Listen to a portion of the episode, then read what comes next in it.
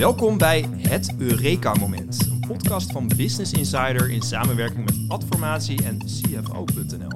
Mijn naam is Jelmer Luimstra, ik ben journalist van Business Insider. In deze podcast spreken we met topmanagers over hoe zij om zijn gegaan met de grootste uitdagingen binnen hun bedrijf. Ieder concern staat wel eens voor zo'n uitdaging. Hè? Bijvoorbeeld een belangrijke klant trekt zich terug, de omzet die zakt als een pudding in elkaar of er komt opeens een geduchte concurrent kijken. Wat was voor deze managers het doorbraakmoment waarop zij leerden hoe ze hun problemen moesten aanpakken? Wat was kortom hun Eureka-moment? Mijn gast vandaag is Ed Bindels, de CEO van AMAC. Dit is de grootste reseller van Apple-apparatuur in Nederland. Hij begon het bedrijf in 2005 nadat hij een keynote had gehoord van Apple-oprichter Steve Jobs. Met een kleine lening bij de bank en met zijn huis als onderpand stampte hij de eerste AMAC-winkel uit de grond in Utrecht. Aanvankelijk had hij helemaal niet de intentie om meer winkels te openen, maar ja, dat liep toch een beetje anders. Inmiddels zijn er liefst 50 EMAC-winkels in Nederland en werken er 750 mensen voor het bedrijf. Ed, welkom. We kunnen wel stellen hè, dat je een belangrijk deel van je leven hebt gewijd aan uh, Apple, hè, het bedrijf van Steve Jobs. Uh, waarom Apple niet bijvoorbeeld Microsoft of Dell? Nou, omdat die saai zijn om te beginnen. nou ja, mijn, uh, mijn eerste baantje was bij een, uh, bij een elektronica winkel die ook computers uh, verkocht. dat is in 79 alweer. Dus ja, ik moet zeggen dat ik toen nog eigenlijk heel weinig wist van computers. En dat was helemaal geen gemeengoed in ieder geval. daar had je zelf bouwpakketten, maar daar hadden ze dus ook Apple II. En ze hadden ook Commodore PET toen in die tijd. Dus ik heb eigenlijk heel snel me toen computers eigen gemaakt. En dat was verkoop. Dat was marketing, dat was uh, alles een beetje. Dus uh, eigenlijk was ik toen al een beetje aan het ondernemen. En wanneer had je je eerste Apple computer zelf? Wow, mijn eerste, um, um, vreemd genoeg is dat een Apple clone. een Peercom was dat. Ja, ja, ja. Ja, dat was een Taiwanese clone was op dat moment. Maar uh, ja, nee, dat was uh, geen originele Apple. En dat was in de jaren 90, 80? Of nee, dit is, uh, dan praat je over 1980, ja. Toen had ja, je eigenlijk al je eerste Apple clone te pakken. Ja. Tegenwoordig werk je natuurlijk in belangrijke mate samen met Apple. maar het is ook wel stout trekken, heb ik begrepen. Hè? Want we spraken elkaar eerder al even. Ze, zei, ja, ze zijn toch wel streng op het gebied van design. Zo had je bijvoorbeeld eens een keer je website voor anderhalf miljoen euro, meen ik, vernieuwd. Maar Apple bleek zich er toch achteraf niet helemaal in te kunnen vinden. Zeg maar, dit soort acties strookt dat soms ook niet een beetje met de vrijheid die je als ondernemer zult nastreven? Ja, 100%. Ja, dat is zeker. Hoe ga je um, daarmee om? Nou, het, um, toen ik begon was um, Apple uh, heel makkelijk. En zelfs toen ik mijn winkel opende in 2005... Um, kon je gewoon een Apple-winkel bouwen. En dat was gewoon als de tafels maar wit zijn en de kasten zwart. Uh, dat was het zo'n beetje. Ja. Uh, hoewel ze wel heel strikt waren over de plek en de locatie. Dus daar hebben we heel lang uh, voor de eerste winkel naar gezocht. En, maar inmiddels is Apple natuurlijk, ik denk, een van de meest waardevolle, zo niet het wa meest waardevolle bedrijf van de wereld. het merk. En um, ja, daar zijn ze heel, um, heel zuinig op. En ik snap wel dat ze dus alles doen om dat uh, te bewaken en uh, te zorgen dat dat uh, zoveel mogelijk één uitstraling heeft. Maar wat Apple met die één uitstraling wil bereiken, is dat Apple één uitstraling heeft. Maar voor mij is het natuurlijk juist belangrijk, voor EMAC is het juist belangrijk, om je te onderscheiden ten opzichte van ja. concurrentie. En als die ook door Apple een opgelegde vormgeving of stijl krijgen, dan wordt het natuurlijk wel een beetje eentonig. Of, ja. en dan kan je dus minder onderscheiden. Baal je er soms van? Oh ja, zeker. En dat is ook hetgeen, het, denk ik, het belangrijkste waar we heel vaak met Apple discussies over hebben, over marketing en uh, dat soort zaken.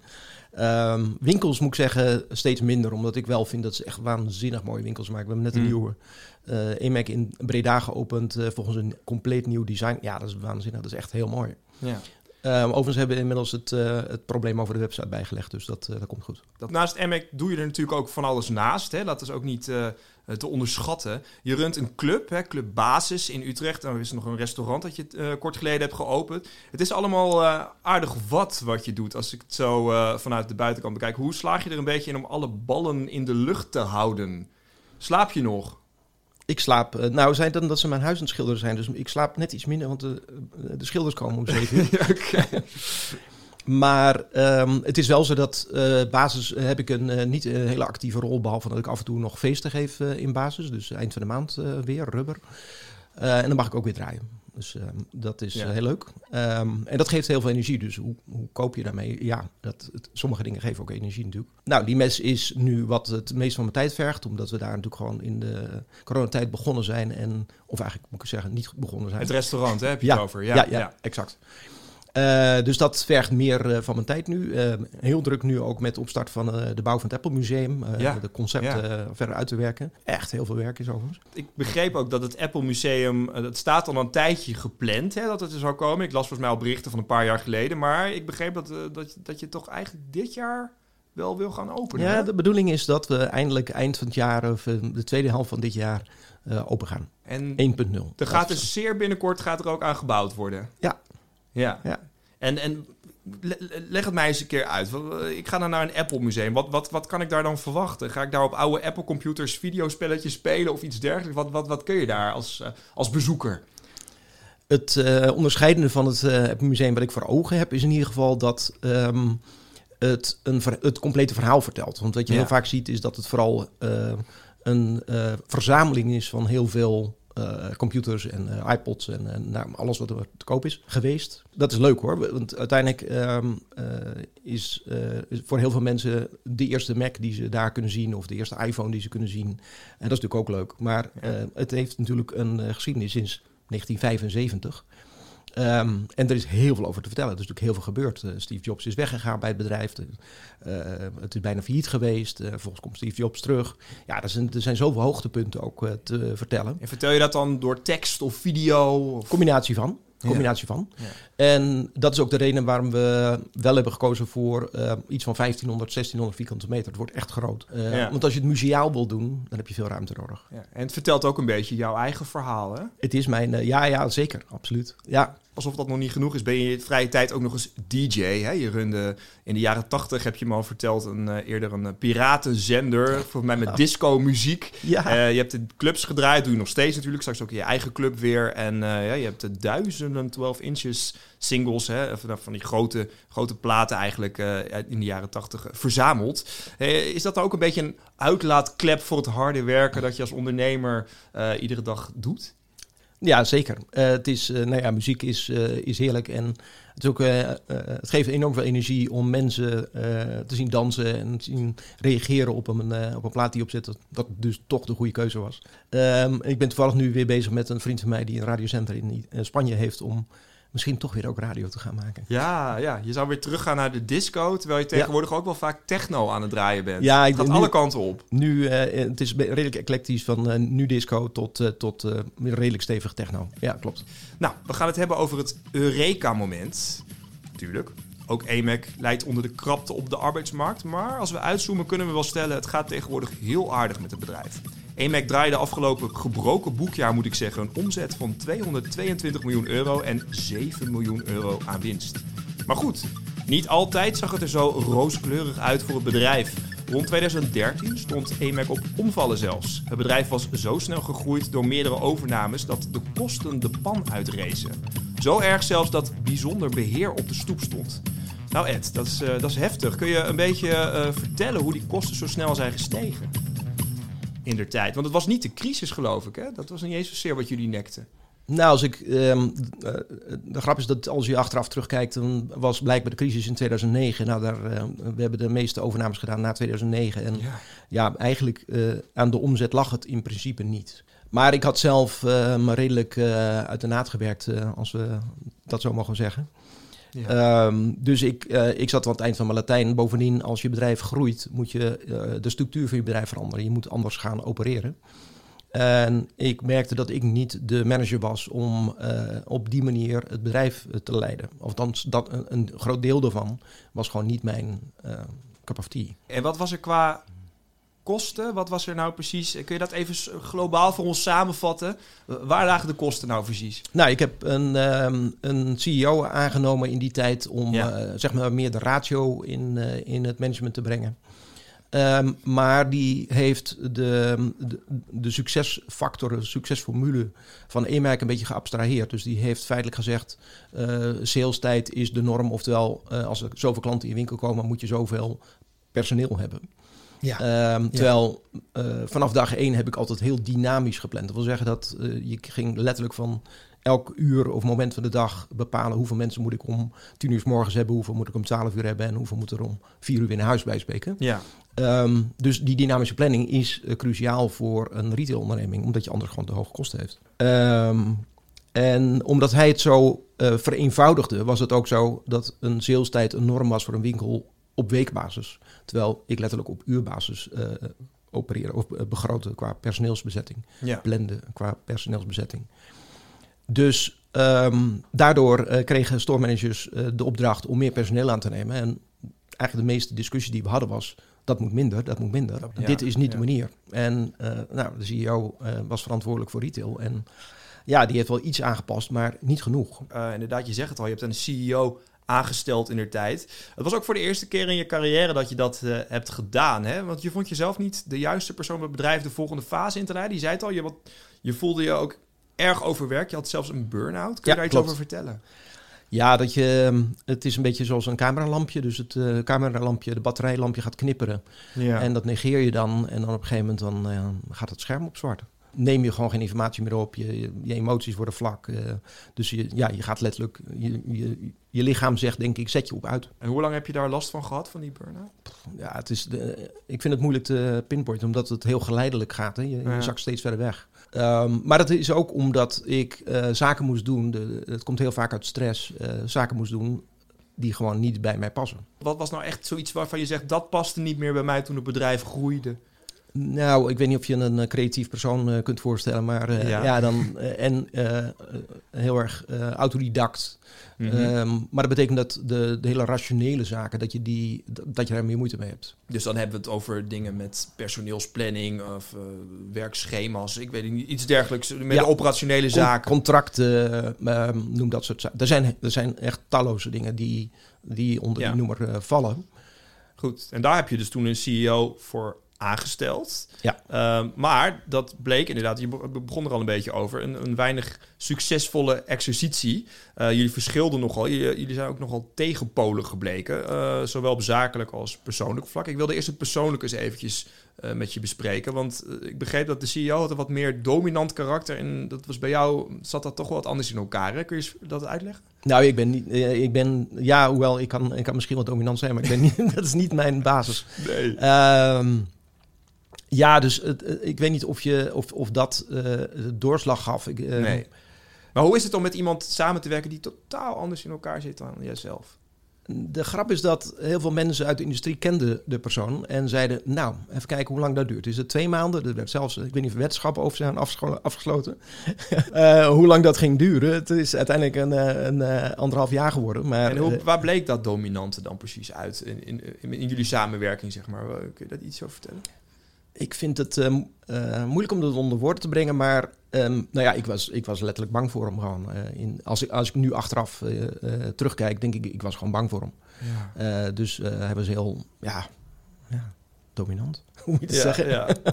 Hoe zou je jezelf karakteriseren als karakter, zeg maar? nou, nou niet, niet dominant in dat opzicht, nee. Niet, nee meer een teamplayer eigenlijk. Ja, absoluut. Ja. ja. Mensen-mens, ja. Oké, okay, dan zit je dus Empathisch. Met empathisch mensen, mensen. En dan zit je dus met iemand die totaal anders is. Maar goed, als hij misschien uh, inderdaad hetgene doet waar jij op zit te wachten bij je bedrijf, dan zou het alsnog goed kunnen, uh, um, uh, goed kunnen uitpakken. Maar zakelijk verschilden jullie inderdaad ook. Hè? Want de, je zei het al, de CEO die nam behoorlijk wat mensen aan, terwijl jij op de rem wilde staan. Je zou natuurlijk aan de andere kant ook kunnen voorstellen van, nou ja, goed, je gaat uitbreiden, je doet wat overnames, wat jullie ook hadden gedaan, en je neemt meer mensen aan, zodat je nog misschien nog meer Apple computers kan verkopen. Dat zou misschien ook een strategie kunnen zijn, maar het lag toch een beetje anders, hè?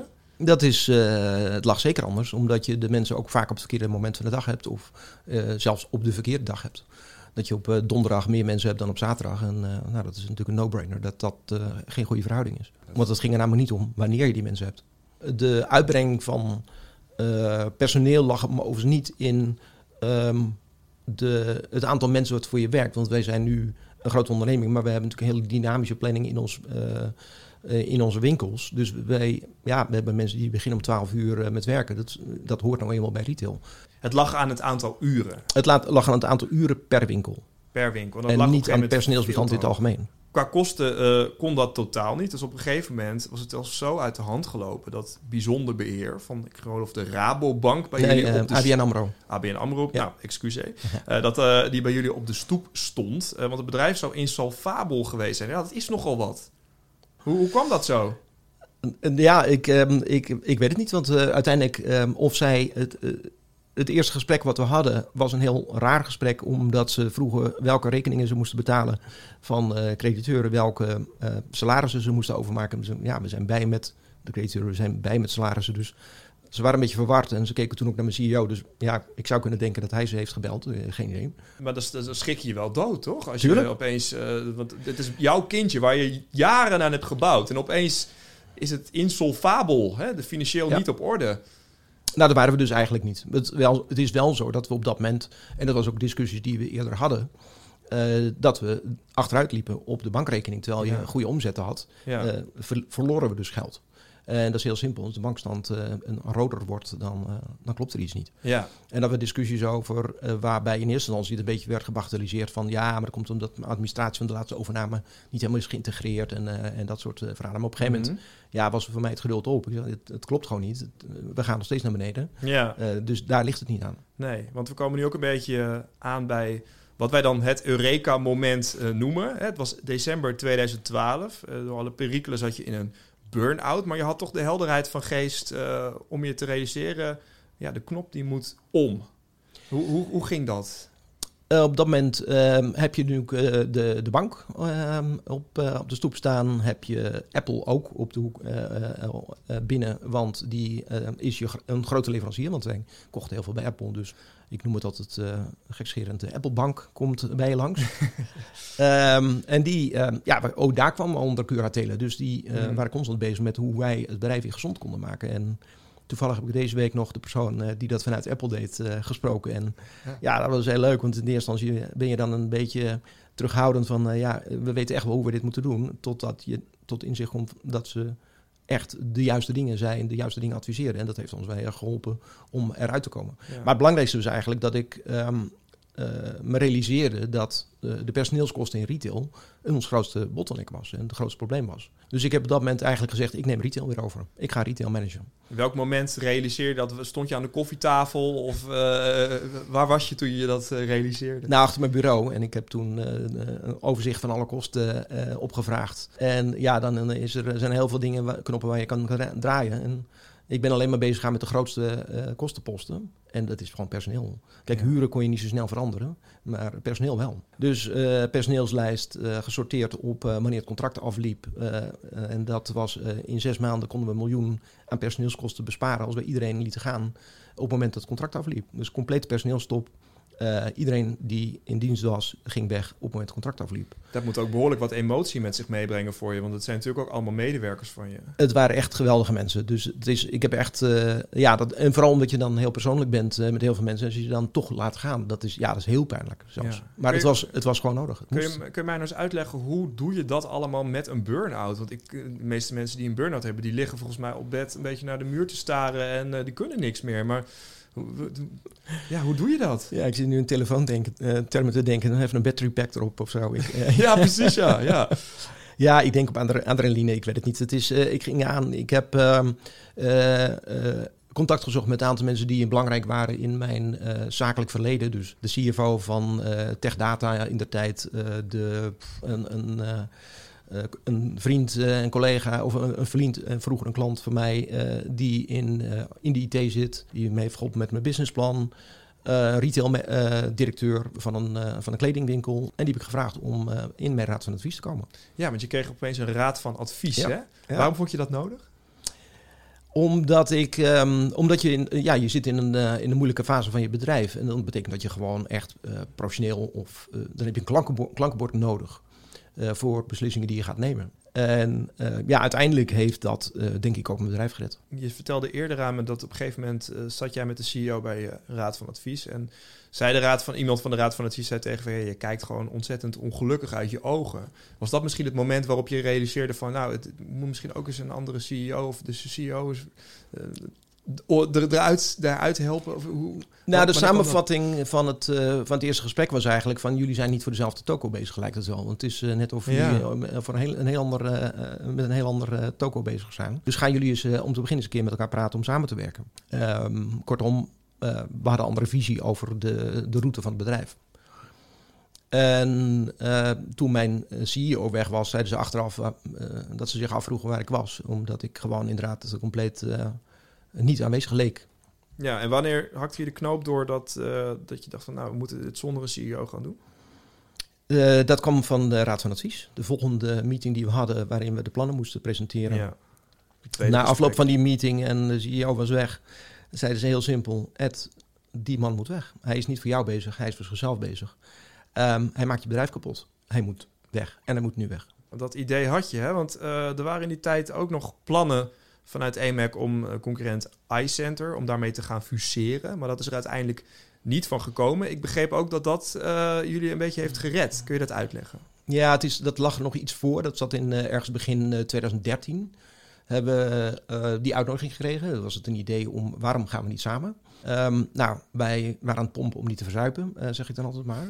En we kregen een rondleiding bij iCenter in uh, Uitgeest.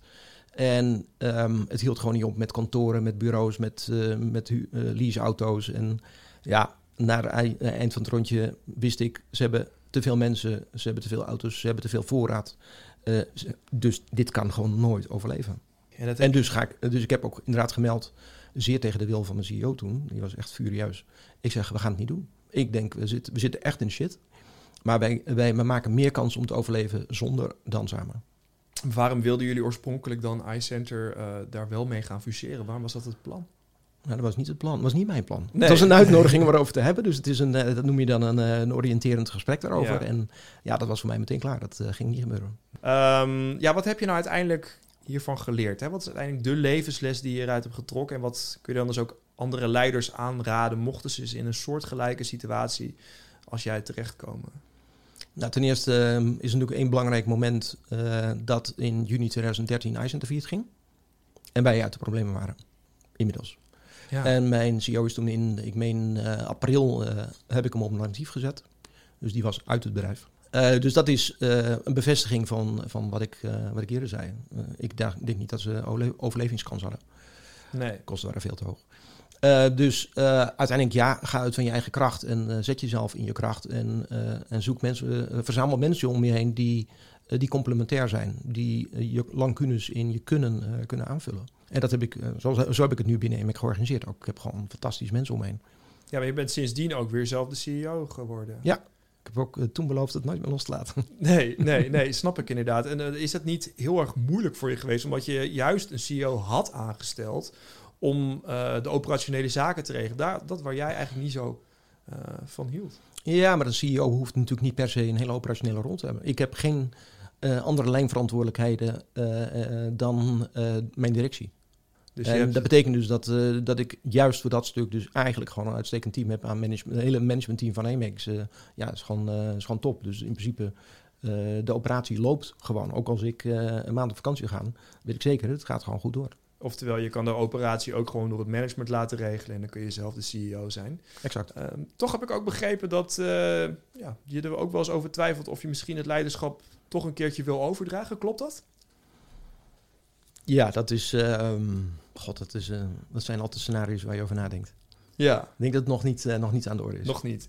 Um, en, en, en daar geldt, zolang je toegevoegde waarde blijft hebben voor. Zolang ik toegevoegde waarde blijf hebben voor de mhm. onderneming um, denk ik dat ik gewoon als CEO aan uh, moet blijven en de richting uh, kan geven. Ja, maar stel, het is vijf jaar verder. Ben je dan nog steeds de CEO bij AMAC of ben je dan misschien ja, fulltime DJ, uh, club-eigenaar? je, kan, je, kan van alles volgens mij. Waar, waar ben je over vijf jaar? Um, God, dat hangt er een beetje vanaf um, of het nog steeds leuk blijft om, om AMAC te leiden. En kijk, uiteindelijk iedere ondernemer denkt op enig moment, denk ik wel eens van eh, waar sta ik over. Eh, eh, nee, ik moet anders formuleren. Dat iedere ondernemer wel eens overweegt. Um, de, de, het moment dat je een exit hebt, op het moment dat je je bedrijf verkoopt, is natuurlijk het, bedrijf, het moment dat je kunt kapitaliseren op, op je investering. Dus dat is, ja, dat is altijd iets waar je potentieel eens over nadenkt. Waar ga je bedrijf verkopen? Nou, dat is, er zijn niet zoveel kopers. om te beginnen. En het is, het is nog wel steeds leuk, moet ik zeggen. over vijf jaar ben je nog gewoon bij EMAC in ieder geval geen professioneel DJ. Nee, oké, laten we het daarop houden. Ed, dankjewel voor je komst. Dit was de allereerste aflevering van de podcast Het Eureka Moment. Vond je deze podcast leuk en wil je ons vaker beluisteren? Abonneer je dan nu op Het Eureka Moment in je streaming app. In de volgende aflevering spreekt adformatiejournalist Roderick Mirande met Mercedes CMO Peter Zelstra over zijn marketinguitdagingen. Tot de volgende keer.